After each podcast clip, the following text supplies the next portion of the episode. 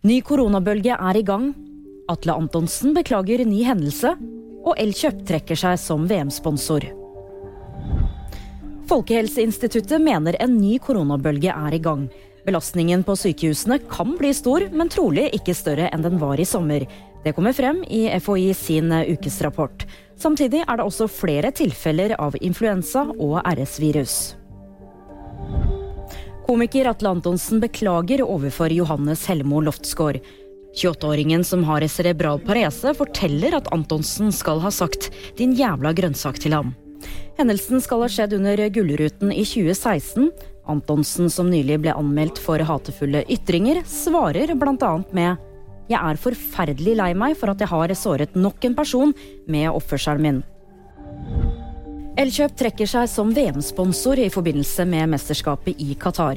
Elektronikkgiganten gir bort reklameplassen sin til Amnesty. Organisasjonen har jobbet med å avdekke dårlige arbeidsforhold og brudd på menneskerettigheter i Qatar siden tildelingen av mesterskapet. Det var VG nyheter, og de fikk du av meg, Julie Tran.